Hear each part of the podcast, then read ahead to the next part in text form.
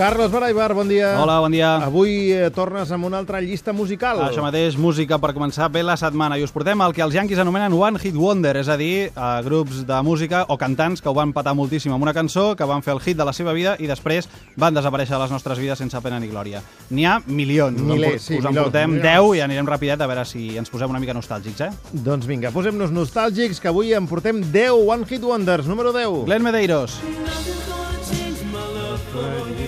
T'encanta, eh? Amb el seu Nothing's Gonna Change My Love For You. I el seu tupé. Era cap a l'any 1987, arribava aquest nen bastant guapet, bastant jovenet, que va patar-ho molt a les llistes. És un tio que avui es dedica a fer de profe en un col·le de Hawaii, d'on és originari, i toca en un hotel hawaià. O sigui, si aneu us el podeu trobar allà tocant lo seu i el que no és seu. Número 9. MC Hammer. Can't touch this. Can't touch this.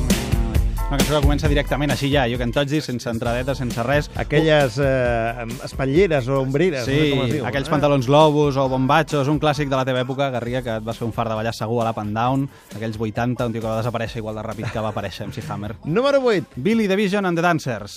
Tonight, tonight, tonight, tonight, I wanna be Aquests i el seu tonight. Summer Cat, del que vam acabar fins al gorro l'estiu del 2010, els grups que triomfen gràcies als anuncis tendeixen a acabar en llistes com aquestes, si no, atents al número 1, ara arribarà. O sigui, els anuncis de cervesa són pels músics, el que el de les natilles pels futbolistes. Si us ofereixen fer un anunci de cervesa, simplement digueu no. Número 7. Fool's Garden. I wonder how, I wonder why.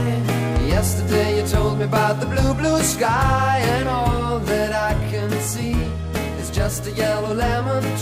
El seu superhit Lemon Tree, per mi és un fix a la llista de Remember de l'Spotify, m'encanta.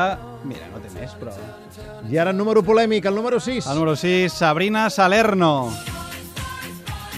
I el seu Boys, Boys, Boys. Bé, per ser sincers, eh, Garriga, aquí estarem d'acord que dir que va triomfar per la seva música seria una mica agosarat, no? Sí, b- bàsicament dir mentides. Sí, quina gran època aquells 80, quina sort els que es va tocar ser joves aquella dècada. Sabrina, que va arribar dalt de tot amb el seu biquini arran de mugró, i evidentment tots recordem pel seu incident, segur que imprevist, segur que imprevist, a Televisió Espanyola al cap d'any del 1986. Jo tenia 4 anys, Garriga, i me'n recordo. Jo tenia una cinta de VHS que va quedar ben gastada d'anar endavant i endarrere. Número 5. Tornem als 90, l'Úbega. One, two, Amb el seu Mambo Number 5 és una reversió, com n'hi ha moltes a les llistes de grans èxits. En aquest, en aquest cas, el que abans havia trobat la música, però no els milions, era un tal Damaso Pérez Pardo, que havia fet aquest Mambo Number 5, que no podia faltar en un determinat moment en una nit de festa. Doncs et diré que es diu Pérez Prado, perquè jo tinc el vinil original de Pérez Prado. Pérez senyor Prado, Damaso Que va Pérez. inventar el Mambo Number 5, però que no es va menjar un rosco. Número 4. Los del Río. alegria, Macarena. Amb aquesta versió de la Macarena, que és la d'abans de ser un superhit. Aquesta o sigui, és la, la, la moderna, diguéssim. un hit global dels de Dos Hermanes, uns tios de Cádiz que tothom, absolutament tothom ha ballat. Fins i tot fa uns dies el Cesc Fabregas, que ha anat al Chelsea, li han fet ballar. Busqueu al YouTube, que és molt ridícul, per seguir ficant-vos amb ell els culers, que sou uns desagraïts. Doncs aquesta cançó va ser un uh, One Hit Wonder de tots els temps, l'any 2002 als Estats Units. O sigui que aquesta té pedigrí. Número 3. Billy Ray Cyrus. O sigui, si us dic Achy Breaky Hearts, molts potser no acabeu de quadrar de quina cançó us estic parlant, però en canvi segur que tots eh, l'heu ballat en un casament, coreografia en mà, amb tots els amics i amb alguna tieta. Don't tell my heart, my heart. Exactament, aquí ens la va portar Coyote Dax, la va versionar al castellà amb allò de No rompas más mi pobre corazón, que estás pegando justo, entiéndelo.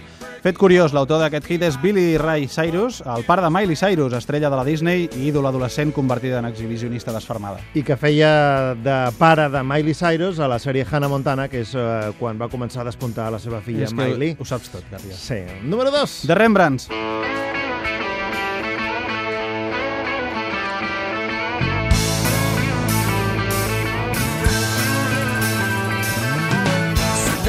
I'll Be There For You, la més coneguda com a cançó de Friends. Si els paguen royalties per cada vegada que han reposat o reposaran tots els episodis, els tios li han tret un bon rendiment a aquests 3 minuts de cançó que els van portar dalt de tot i a baix de tot. A mi m'agrada molt més, sóc més fan de la cançó Smelly Cat de la Phoebe. Ah, també. Bé, número 1. I al número 1 hi ha molts possibles números 1 a la nostra llista, però aquesta l'he triat jo perquè va marcar una generació, bé, o potser em va marcar a mi sol, però em va agradar molt la cançó i després res més d'aquests paios que es deien Androp. There on it. There is a train, come on, let's hurry. Let's get on it. So there is a train.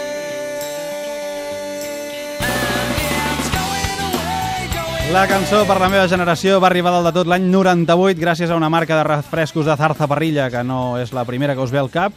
Són uns hispanos suecs, aquests d'Androp, amb el seu hit train, que jo em pensava que eren suecs del tot, però no, un dels integrants era d'Àvila. La teva generació, que seria la dels nascuts l'any... 83. Molt bé. Amb Androp acabem aquesta mega llista de One Hit Wonders. Gràcies, Carlos. Fins demà. Adéu, fins demà.